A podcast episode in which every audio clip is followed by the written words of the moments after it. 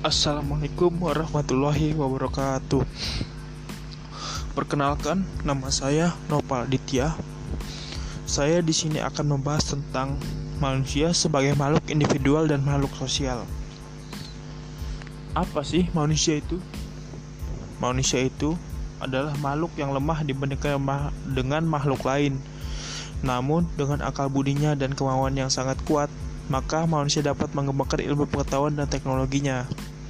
Dengan ilmu, pengetahuan, dan teknologi manusia dapat hidup dengan lebih baik. Akal budinya dan kemauan yang sangat kuat, itulah sifat unik dari manusia. Rasa ingin tahu makhluk lain lebih didasari oleh naluri, insting. Naluri ini didasarkan pada upaya mempertahankan kelestarian hidup dan sifat sifatnya tetap sepanjang zaman. Manusia juga mempunyai naluri seperti tumbuhan dan hewan, tapi mempunyai akal budi yang terus berkembang serta rasa ingin tahu yang tidak terpuaskan. Sesuatu masalah yang yang telah dapat dipecahkan, maka akan timbul masalah lain yang menunggu pemecahannya. Contohnya, tempat tinggal manusia purba sebagai manusia modern. Contoh lainnya seperti penyakit. Setelah ditemukan obatnya, suatu penyakit ada penyakit lain lain lagi yang dicoba untuk dicari obatnya manusia sebagai makhluk individual. Individual adalah seorang manusia yang tidak hanya memiliki peran khas di dalam lingkungan sosialnya, melainkan juga mempunyai kepribadian serta pola tingkah laku spesifik dirinya. Manusia sebagai individual selalu berada di tengah-tengah kelompok individual yang sekaligus mematangkan untuk menjadi pribadi yang yang prosesnya memerlui memerlukan lingkungan yang dapat membentuknya, membentuknya. Namun tidak semua lingkungan menjadi faktor pendukung pembentuk pribadi, tapi ada kalanya menjadi penghambat proses pembentukan pribadi. Kayak pergaulan, misalnya di lingkungan suatu lingkungan tuh kayak banyak pergaulan anak-anak nakal, ya itu bakal menghambat, lebih menghambat sih. Seorang dikatakan sebagai manusia individual manakala unsur-unsur tersebut menyatu dalam dirinya. Jika unsur tersebut sudah tidak menyatu lagi, maka seorang tidak disebut sebagai makhluk individual. Hakikat manusia Susunan kodrat manusia terdiri atas raga dan jiwa. Sifat kodrat terdiri atas makhluk individual dan sosial.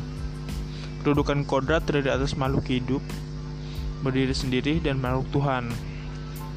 Seorang individual adalah perpaduan antara faktor gen genotipe, faktor yang dibawa sejak lahir dan faktor keturunan, dan faktor fenotipe, lingkungannya. Istilah lingkungan merujuk pada lingkungan fisik dan lingkungan sosial. Lingkungan fisik seperti kondisi alam sekitarnya, lingkungan sosialnya merujuk pada lingkungan di mana seorang individu melakukan interaksi sosial. Kita mana seorang individual melakukan interaksi sosial seperti interaksi kepada anggota keluarga, dengan teman, dengan kelompok sosial yang lebih besar. Karakter, karakteristiknya yang khas dari seseorang disebut kepribadian adalah hasil interaksi dari faktor genotipe dan fenotipe. Pertumbuhan dan perkembangan individual kedudukan manusia sebagai makhluk individual. Manusia sebagai makhluk Tuhan yang Maha Esa. Manusia sebagai makhluk indi, individu diartikan sebagai personal atau perseorangan atau sebagai diri pribadi. Manusia sebagai diri pribadi merupakan makhluk yang diciptakan secara, sepur, secara sempurna oleh Tuhan yang Maha Esa. Jika kita amati secara sersama, benda-benda makhluk ciptaan Tuhan yang ada di sekitar kita mereka memiliki unsur yang melekat pada padanya yaitu unsur benda hidup, naluri dan akal budi ya.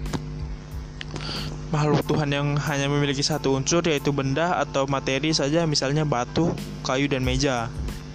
Makhluk Tuhan yang memiliki dua unsur yaitu benda hidup dan benda dan hidup misalnya tumbuh-tumbuhan dan perpohonan. Makhluk Tuhan yang memiliki tiga unsur yaitu benda hidup dan naluri, insting misalnya binatang, temak, kambing, kerbau, dan ayam. Makhluk Tuhan yang memiliki empat unsur yaitu benda hidup, naluri, insting, dan akal budi. Misalnya manusia merupakan makhluk yang memiliki keunggulan dibanding dengan makhluk yang lain. Manusia sebagai makhluk sosial. Manusia dalam hidupnya tidak bisa melepaskan diri dari pengaruh manusia lainnya. Manusia dikatakan sebagai makhluk sosial karena pada diri manusia ada dorongan untuk berhubungan atau interaksi dengan orang lain. Adapun kebutuhan sosial untuk hidup berkelompok dengan orang lain biasanya didasari pada kesamaan ciri dan kepentingan. Manusia dikatakan sebagai makhluk sosial karena pada diri manusia ada dorongan dan kebutuhan berhubungan dengan orang lain. Manusia juga tidak akan bisa hidup sebagai manusia kalau tidak hidup di tengah-tengah manusia. Tanpa bantuan manusia lainnya, manusia tidak mungkin bisa berjalan dengan tegak.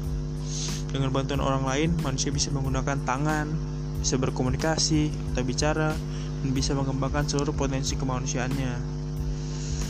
Manusia dikatakan sebagai makhluk sosial karena beberapa alasan, yaitu manusia tunduk pada aturan dan norma sosial. Perilaku manusia mengharapkan suatu penilaian dari orang lain. Manusia memiliki kebutuhan untuk berinteraksi dengan orang lain potensi manusia akan berkembang bila hidup di tengah-tengah manusia.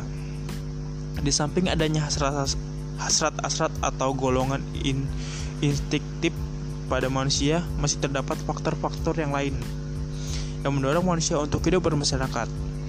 Faktor-faktor itu adalah adanya dorongan seksual, yaitu dorongan manusia untuk mengembangkan keturunan atau jenisnya, adanya kenyataan bahwa manusia adalah serba tidak bisa atau sebagai makhluk lemah, karena itu, ia selalu mendesak atau menarik kekuatan sesama yang terdapat dalam perserikatan dengan orang lain.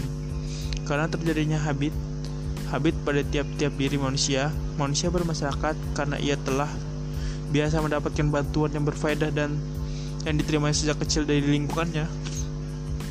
Adanya kesamaan keturunan, kesamaan teritorial, nasib, keyakinan, dan cita-cita kedudukan manusia sebagai makhluk sosial. Manusia sebagai makhluk sosial artinya man manusia sebagai warga masyarakat.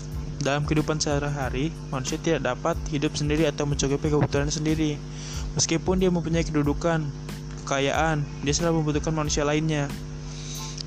Setiap manusia cenderung untuk berkomunikasi, berinteraksi, dan bersosialisasi dengan manusia lainnya. Dapat dikatakan bahwa sejak lahir dia sudah disebut sebagai makhluk sosial karena saling membutuhkan sesamanya. Interaksi sosial. Interaksi berasal dari kata inter atau action. Interaksi sosial adalah hubungan timbal balik saling mempengaruhi antara individual, kelompok sosial, dan masyarakat.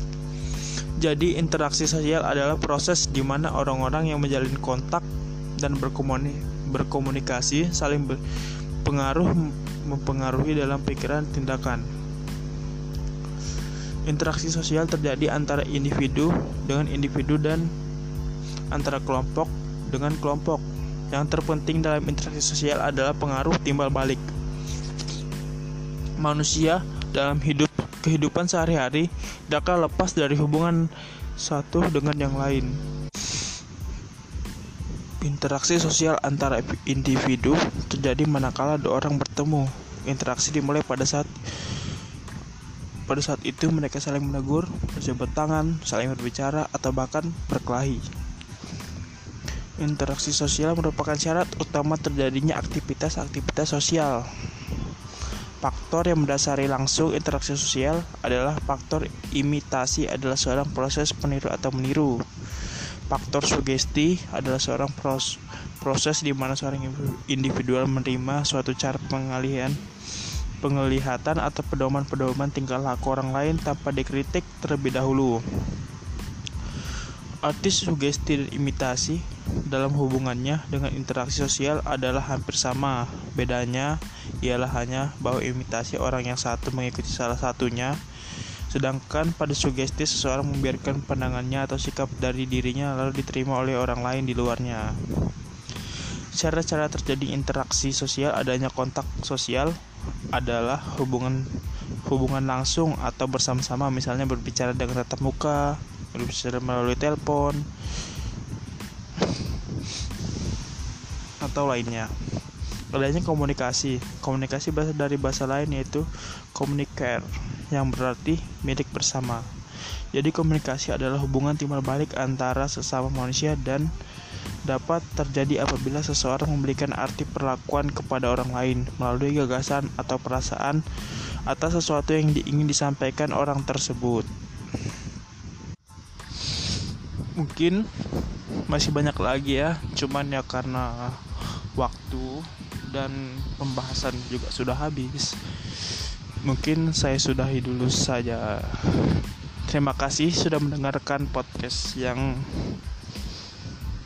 gini-gini aja. Makasih sudah mendengarkannya. Thank you. See you.